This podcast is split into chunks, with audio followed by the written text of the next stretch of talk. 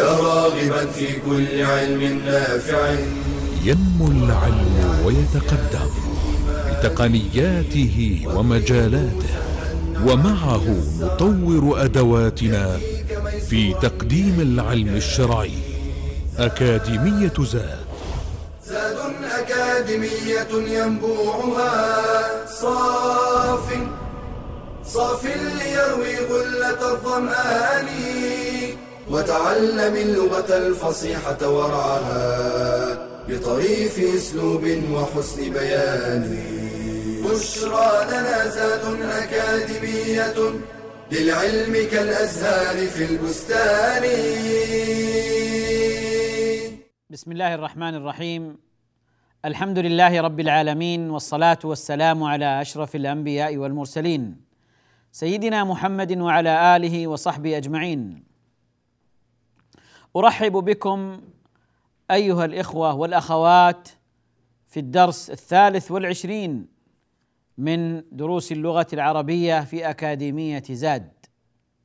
أحييكم بتحية الإسلام. السلام عليكم ورحمة الله وبركاته. الدرس الثالث والعشرون سيكون عن الإضافة. وسبق في درس سابق الحديث عن المجرور. وقلنا إن المجرورات نوعان المجرور بحرف الجر وهو الذي تحدثنا عنه والمجرور بالإضافة. والإضافة تعني نسبة شيء إلى شيء أضفته إليه. نسبته إليه نسبة شيء إلى شيء. فحينما أقول مثلا كتاب خالد فأنا نسبت الكتاب إلى خالد أضفته إليه. وحينما أقول بيت جاري بيت جاري نسبت البيت إلى جاري. فاذا الإضافة نسبة شيء إلى شيء. والمتحدث حينما يتحدث أحيانا يحتاج إلى أن يعرف شيئا أو يخصصه بالإضافة. يعني حينما أقول بيت هذا نكرة. لكن حينما أقول بيت جاري هذا معرفة تعرف. ولذلك من سبق الحديث في آه، فصل سابق أن من أنواع المعارف المعرف بالإضافة المعرف بالإضافة. فأنا أقول بيت هكذا هذا نكرة ليس معرفة. لكن حينما أقول بيت محمد أو بيت خالد أو بيت عبد الله أو بيت جاري هنا تعرف أصبح معرفة. لأنه أضيف إلى معرفة فأصبح معرفة. فهنا هذا هذا معنى الإضافة. الإضافة نسبة اسم إلى اسم آخر يكون الأول مضافا الأول مضاف والثاني مضاف إليه. طيب الأول كيف يكون إعرابه والثاني كيف يكون إعرابه؟ أما الثاني فهو المضاف إليه فهذا هو المجرور فهذا هو المجرور. آه المضاف إليه يكون مجرورا يكون مجرورا. علامة جره يمكن أن تكون الكسرة ويمكن أن تكون الياء ويمكن أن تكون الفتحة في الممنوع من الصرف. أما المضاف وهو الجزء الأول المضاف فإن هذا المضاف يكون إعرابه حسب محله وحسب موقعه من الكلام وحسب محله من الجملة. قد يكون مبتدأ وقد يكون خبرا وقد يكون فاعلا وقد يكون مفعولا فهو بحسب حاله وموقعه ومحله من الجملة. أما الثاني فإنه يكون مضافا إليه دائما. يكون مضافا إليه دائما. قال الله عز وجل أحل لكم صيد البحر. أحل لكم صيد البحر. أين المضاف وأين المضاف إليه؟ المضاف إليه البحر. المضاف إليه البحر. والمضاف صيد. أحل لكم صيد صيد البحر. فصيد مضاف والبحر مضاف إليه. لكن صيد لا بد أن نبحث لها عن إعراب عن موقع في الجملة. أحل لكم صيد البحر. لو سألت وقلت ما إعراب صيد. ستقولون لي إنه نائب عن الفاعل. نائب عن الفاعل. أحل لكم صيد البحر. فصيد نائب عن الفاعل مرفوع. وعلامة رفعه الضمة. وهو مضاف والبحر مضاف إليه. والبحر مضاف إليه. لو قال قائل في غير القرآن احل لنا صيد. هنا صيد نكرة. لكن إذا قلنا صيد البحر أصبح معرفة أصبح معرفة. فصيد البحر معرفة لأنه معروف آه، المقصود بهذا الصيد. لكن لو قال صيد البر يختلف صيد البر. يختلف صيد البر عن صيد البحر. وهكذا كل نسبة اسم إلى إلى آخر تسمى إضافة يكون الأول مضافا والثاني مضافا إليه. والإضافة تنقسم قسمين. إضافة معنوية وإضافة لفظية. ما المقصود بالإضافة المعنوية واللفظية؟ الإضافة المعنوية يعني هي التي تفيد معنى. تفيد معنى هذه الإضافة أضافت معنى أفادت معنى. وإما أن يكون هذا المعنى هو التعريف أو التخصيص. المهم أن تفيد شيئا. أما الإضافة اللفظية فهي لا تضيف ولا تفيد امرا معنويا وإنما تفيد امرا لفظيا تفيد تخفيفا في اللفظ. لا تفيد تعريفا ولا تفيد تخصيصا. وإنما تفيد وإنما هدفها وغايتها التخفيف فقط. لا تفيد شيئا. لا تفيد امرا معنويا. لا يستفاد منها أمر معنوي وإنما يستفاد منها أمر لفظي وهو التخفيف وسيأتي. السؤال الآن متى تكون الإضافة معنوية ومتى تكون الإضافة لفظية؟ الإضافة المعنوية إذا كان المضاف إليه آه ليس معمولا للمضاف. إذا كان المضاف إليه ليس معمولا في الأصل للمضاف. وكذلك إذا كان المضاف غير وصف إذا لم يكن وصفا. فاذا عندنا قد يكون المضاف وصفا والمقصود بالوصف هو اسم الفاعل واسم المفعول والصفة المشبهة. اسم الفاعل واسم المفعول والصفة المشبهة. هذا الوصف. المضاف إما أن يكون وصفا أو يكون غير وصف. والمضاف إليه قبل الإضافة إما أن يكون أو يصح أن يكون معمولا للمضاف يعني مفعولا به للمضاف أو نائبا عن الفاعل للمضاف أو آه، أي معمول المهم معمولا للمضاف أو لا يكون معمولا. أو لا يكون معمولا. فنحن لدينا أربع صور. أربع صور. أن يكون المضاف وصفا. والمضاف إليه معمولا لذلك الوصف. هذه الحالة الأولى. الحالة الثانية أن يكون المضاف وصفا ولكن المضاف إليه ليس معمولا للمضاف. والحالة الثالثة أن يكون المضاف ليس بوصف وال والمضاف إليه ليس معمولا لذلك الوصف. والحال الرابعة أن يكون المضاف ليس وصفا والمضاف إليه معمول لذلك المضاف. هذه هي الأقسام لكن متى أي الأقسام يكون من نوع الإضافة المعنوية وأيها يكون من الإضافة اللفظية؟ هذا ما سنعرفه بعد الفاصل إن شاء الله. بشرى لنا أكاديمية للعلم كالأزهار في البستان.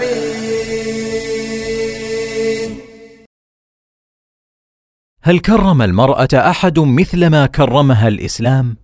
فالنساء شقائق الرجال وإنما خصت المرأة ببعض الأحكام كإعفائها من الجمع والجماعات مراعاة لأنوثتها لا تحقيرا لها.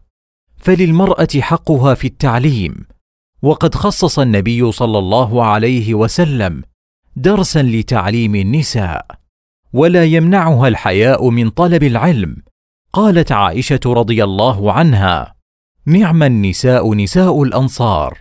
لم يكن يمنعهن الحياء أن يتفقهن في الدين.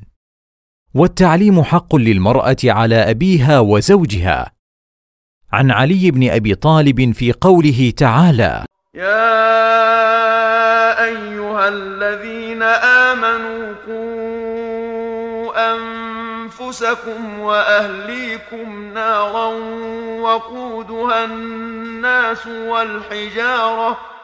قال علموهم وأدبوهم وتعلم المرأة زوجها إن كانت أعلم منه.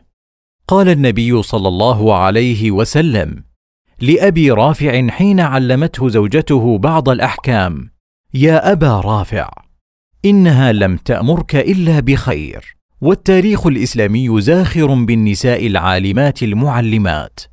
كعائشة أم المؤمنين. قال عطاء بن أبي رباح كانت عائشة أفقه الناس وأعلم الناس وأحسن الناس رايا في العامة. ومنهن عمرة بنت عبد الرحمن الأنصارية وحفصة بنت سيرين البصرية وفاطمة بنت عباس البغدادية. فتعلمي واعملي وأبشري. قال تعالى ومن يعمل من الصالحات من ذكر أو انثى وهو مؤمن فاولئك يدخلون الجنه ولا يظلمون نقيرا بشرى لنا أكاديمية للعلم كالأزهار في البستان. بسم الله الرحمن الرحيم. قبل الفاصل توقفنا عند أحوال المضاف مع المضاف إليه. وقلنا إنها لا تخرج عن أربع حالات. لا يخرج المضاف والمضاف إليه عن أربع حالات. الحالة الأولى أن يكون المضاف ليس وصفا والمضاف إليه ليس معمولا لذلك الوصف. ليس وصفا والمضاف إليه ليس معمولا. مثل ماذا؟ مثل أن أقول كتاب خالد كتاب خالد أو كتاب الفقه. هذا كتاب الفقه. كتاب الآن ليس وصفا يعني ليس اسم فاعل وليس اسم فاعل وليس اسم مفعول وليس صفة مشبهة. إذا المضاف ليس وصفا. والمضاف إليه ليس معمولا للمضاف. يعني لو لو لو جئنا ألغينا الإضافة لا نستطيع أن نجعل المضاف عامل والمضاف إليه معمولا. فإذا المضاف هنا ليس وصفا والمضاف إليه ليس معمولا. هذه الحالة الأولى. الحالة الثانية أن يكون المضاف وصفا يعني اسم فاعل مثلا. ولكن المضاف إليه ليس معمولا لذلك الوصف. ما هو معمول له؟ ما يصح أن يكون معمولا له. كيف؟ يعني لو لو قلت مثلا كاتب القاضي. كاتب القاضي. فكاتب هنا اسم فاعل وصف. لكن القاضي هذا المضاف إليه لا يصح أن يكون معمولا لكاتب لأنه كاتب القاضي ما ليس المقصود. يعني آه، هذا يكتب القاضي يكتب القاضية ما يمكن أن يكتب القاضية فاذا هذا المضاف إليه ليس معمولا للمضاف مع أن المضاف وصف. الحالة الثالثة أن لا يكون المضاف وصفا ما هو وصف؟ لكن المضاف إليه معمول لذلك الوصف. مثل لو قلنا مثلا إكرام إكرام الضيف إكرام الضيف. الآن إكرام هذا ليس وصفا ليس اسم فاعل وليس اسم مفعول ولا صفة مشبهة إنما هو مصدر إكرام. والضيف هذا المضاف إليه في غير الإضافة يكون معمولا إكرام إكرامه إكرام الضيف يعني أنت تكرم الضيف إكراما بمعنى إكرام الضيف. لو قلت لو بإكرام بدل إكرام الفعل أكرمت الضيف. فيكون الضيف مفعولا به. فهنا الضيف معمول معمول للمضاف. وهذا من من إضافة العامل إلى معموله. من إضافة العامل إلى معموله. من إضافة المصدر إلى معموله. أو إلى مفعوله. هذه الثلاث الصور تسمى فيها الإضافة إضافة معنوية. يعني تكون الإضافة فيها إضافة معنوية. تفيد معنى. لما أقول كتاب الفقه هنا الإضافة أفادت التعريف. وحينما أقول كاتب القاضي أيضا هذه الإضافة أفادت التعريف لأنه ليس أي كاتب إنما كاتب القاضي. وحينما أقول إكرام الضيف فهذا أيضا يفيد تعريفا. ليس إكرام أي أحد إنما إكرام الضيف. فهذه كلها إضافة هذه الأقسام الثلاثة كلها إضافة معنوية. طيب الإضافة القسم الرابع ما هو؟ القسم الرابع إذا كان المضاف وصفا. يعني اسم فاعل أو اسم مفعول أو صفة مشبهة. والمضاف إليه معمول. من إضافة العامل إلى معموله من إضافة الصفة إلى معمولها من إضافة الوصف إلى معموله. فيكون المضاف إليه معمولا مفعولا به. والمضاف وصف فهنا تكون الإضافة لفظية. تكون الإضافة لفظية. لا تفيد معنى لا تفيد معنى لا تفيد تعريفا ولا تفيد تخصيصا. طيب. اذا الإضافة نوعان إضافة معنوية وإضافة لفظية. طيب. الإضافة المعنوية إما أن تفيد التعريف أو تفيد التخصيص. متى تفيد الإضافة المعنوية؟ التعريف. تفيد الإضافة التعريف إذا كان المضاف إليه معرفة. إذا كان المضاف إليه معرفة. فهنا تفيد التعريف. كتاب الفقه. الآن لما نقول كتاب الفقه الفقه هذا هو المضاف إليه. معرفة ولا نكرة؟ أسألكم. أمعرفة هو أم نكرة؟ لا شك أنكم ستقولون أنه معرفة. الفقه معرف بالألف واللام فهو معرفة. إذا لما أضفنا كتاب إلى الفقه هنا اكتسب المضاف اللي هو كتاب لأنه كتاب قبل الإضافة نكرة كتاب نكرة. لكن لما قلنا كتاب الفقه اكتسب هذا المضاف التعريف. اكتسب التعريف من إضافته إلى المعرفة. لما أضفناه إلى المعرفة اكتسب التعريف اكتسب التعريف. فإذا متى تكون الإضافة تفيد التعريف؟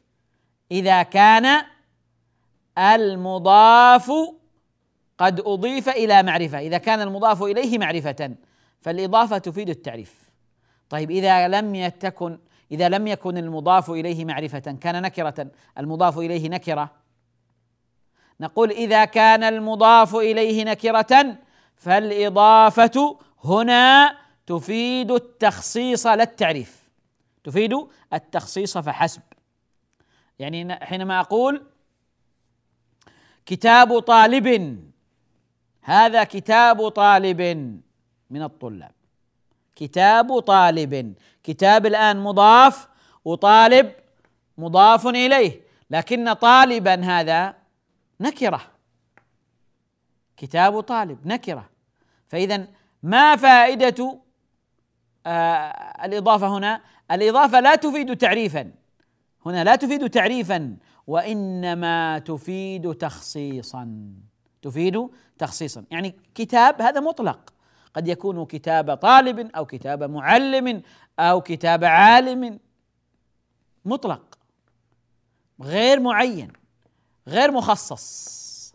فلما قلت كتاب طالب هذا كتاب طالب. لما قلت هذا كتاب طالب هنا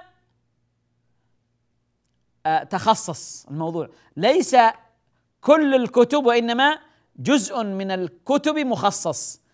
المخصص للطلاب كتاب طالب فهو تخصيص. لا تعريف لأن التعريف يفيد شيئا محددا معينا. أنا لما أقول هذا كتاب طالب هل يمكن أن يكون كتاب زيد ولا كتاب خالد ولا كتاب علي؟ ليس معرفة وإنما هو مخصص فقط. التخصيص. فهنا الإضافة أفادت التخصيص. خلاصة الكلام. إذا كان المضاف قد أضيف إلى معرفة فإن الغرض من المعرف من التعريف الغرض من الإضافة هنا التعريف. وإذا أضفنا إلى النكرة فالإضافة هنا تفيد التخصيص. هذا إذا كانت الإضافة إضافة معنوية. فاصل أيها الإخوة ثم نواصل إن شاء الله. بشرى لنا أكاديمية للعلم كالأزهار في البستان.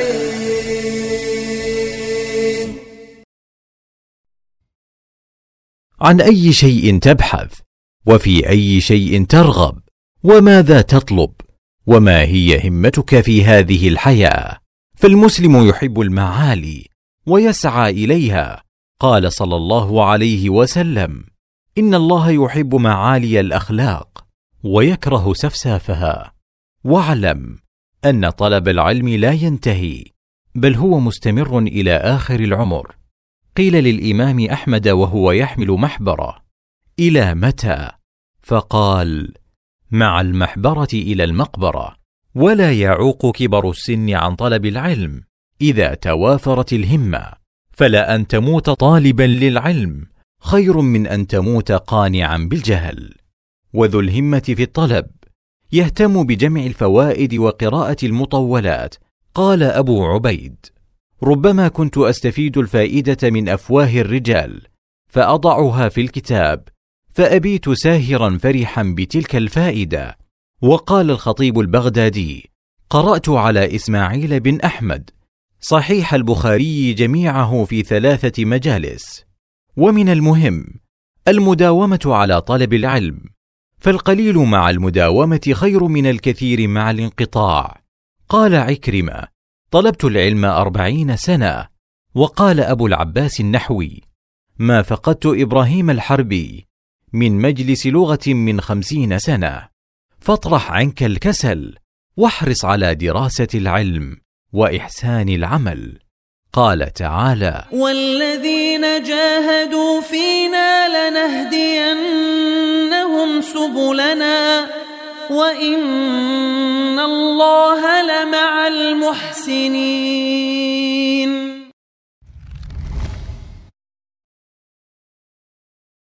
بشرى جنازات أكاديمية للعلم كالأزهار في البستان. بسم الله الرحمن الرحيم. نستكمل الحديث أيها الإخوة الكرام عن الإضافة المعنوية. وقلنا إن الإضافة المعنوية تفيد التعريف أو التخصيص. فإذا كان المضاف إليه معرفة فالإضافة هنا تفيد التعريف. وإذا كان المضاف إليه نكرة فإن الإضافة هنا تفيد التخصيص. والسؤال الآن هل الإضافة هنا لها معنى بمعنى آه، أنها جاءت على معنى حرف من الحروف؟ الجواب الإضافة تكون بمعنى اللام. الإضافة تكون بمعنى اللام. حينما أقول كتاب خالد فكأنني أقول هذا الكتاب لخالد. اللام التي تفيد الاختصاص أو الملك. الملك أو الاختصاص. فكتاب خالد يعني كتاب هذا الكتاب لخالد. فهي ال ال ال الإضافة هنا بمعنى اللام بمعنى اللام. وكذلك أيضا حينما أقول آه كتاب آه كتاب الفقه كتاب الفقه فإنها الإضافة هنا بمعنى اللام يعني مختص آه للفقه. خاص للفقه والبالفقه. فهو للفقه كتاب للفقه وللتفقه. طيب حينما أقول آه بيت سعيد بيت سعيد فهنا الإضافة بمعنى اللام بمعنى اللام. بيت لسعيد كأنني قلت بيت لسعيد. ف وهذا هو الكثير في الإضافة أن تكون بمعنى اللام أن تكون بمعنى اللام. فنجد المضاف قد أضيف إلى المضاف إليه بمعنى أنه أصبح خاصا به أو أصبح ملكا له. وهذا هو وهذا هو معنى اللام. وهذا هو معنى اللام التي هي للملك أو الاختصاص. طيب. هل تأتي الإضافة بمعنى غير اللام؟ على معنى غير اللام؟ الجواب نعم. تأتي الإضافة بمعنى من بمعنى من وليست بمعنى اللام. والمقصود بمن آه، يعني كأنني اخترنا التبعيضية الجزئية التي تفيد الجزء. إذا كان المضاف إليه إذا كان المضاف إليه كلا والمضاف جزءا فإن الإضافة تكون بمعنى من.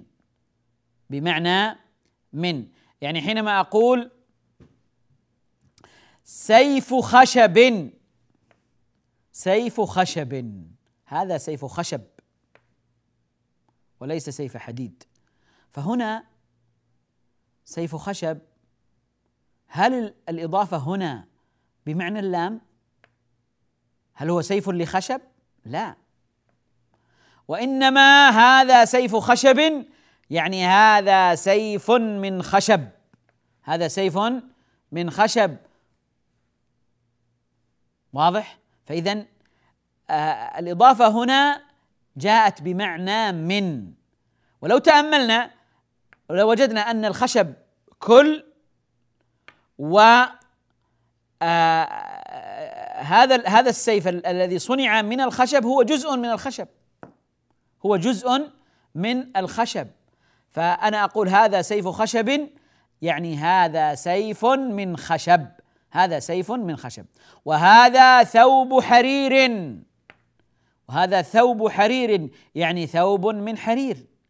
ثوب من حرير. فهنا الإضافة جاءت بمعنى من. جاءت بمعنى من. سيف خشب. يعني من خشب. متى تكون بمعنى من؟ إذا كان المضاف إليه كلا والمضاف جزءا والمضاف جزءا ماخوذا منه ويصح الإخبار عنه. يعني أقول هذا السيف كائن من خشب مصنوع من خشب. فهذا سيف خشب. هذه الإضافة هي بمعنى بمعنى من. النوع الثالث تأتي الإضافة بمعنى في التي تدل على الظرفية وسبق في الحديث عن معاني في قلنا إن المعنى الأساسي والاصلي في هو الظرفية هو الظرفية. طيب متى تكون الإضافة بمعنى في؟ متى تكون الإضافة بمعنى في؟ تكون الإضافة بمعنى في الظرفية إذا كان المضاف إليه ضر ظرفا. إذا كان المضاف إليه ظرفا للمضاف. إذا كان المضاف إليه ظرفا للمضاف. طيب مثال ذلك. حينما أقول صلاة الليل صلاة الليل. يعني هل المقصود الصلاة لليل أو المقصود صلاة من الليل ولا الصلاة في الليل؟ المقصود الصلاة في الليل. الصلاة في الليل. فإذا هنا في هي المعنى التي جاءت عليه الإضافة. الإضافة جاءت بمعنى في. الإضافة جاءت بمعنى في. وذلك إذا كان المضاف إليه ظرفا للمضاف. سواء كان ظرف زمن آه، سواء كان ظرف زمان أم مكان. قال الله عز وجل بل مكر الليل. يعني بل مكر في الليل. بل مكر في الليل. فهنا آه الإضافة الإضافة جاءت بمعنى في الإضافة جاءت بمعنى في. لما أقول مثلا آه صديق المدرسة أو صديق العمل صديق العمل قريب من القلب مثلا. آه، أو أقول آه، زميل الدراسة أو زميل المدرسة. ها؟ صديق العمل صديق العمل يعني الصديق الذي في العمل.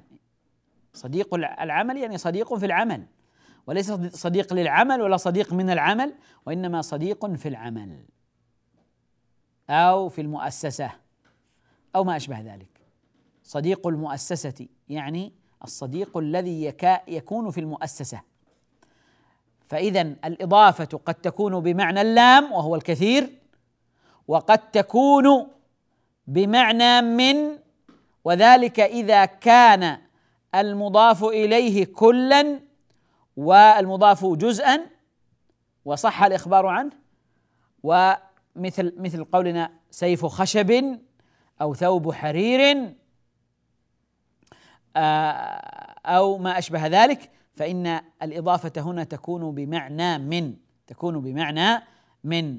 والنوع الثالث آه، الذي هو الإضافة بمعنى في.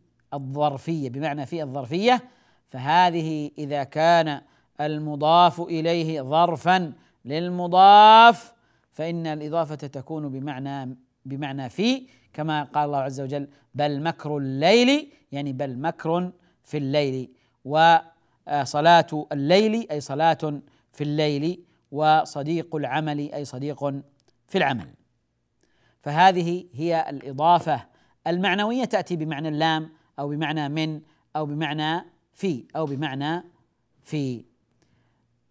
بهذا نكون أيها الإخوة قد آه، أتينا للحديث أو بالحديث عن آه، الإضافة المعنوية التي تفيد التعريف إذا كان المضاف إليه معرفة أو تفيد التخصيص إذا كان المضاف إليه آه، نكرة. وهذه الإضافة المعنوية هي عامة الإضافة إلا إذا كان المضاف وصفا اسم فاعل أو اسم مفعول أو صفة مشبهة والمضاف إليه معمولا لتلك الصفة فإن الإضافة لا تكون معنوية ولا تدخل فيما قلناه سابقا. إلى أن نلتقي إن شاء الله في درس قادم. أستودعكم الله.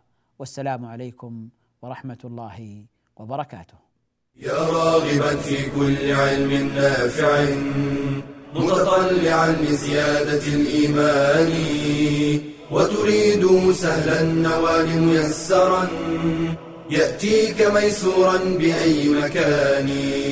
زاد زاد أكاديمية ينبوعها صاف صاف ليروي غلة الظمآن.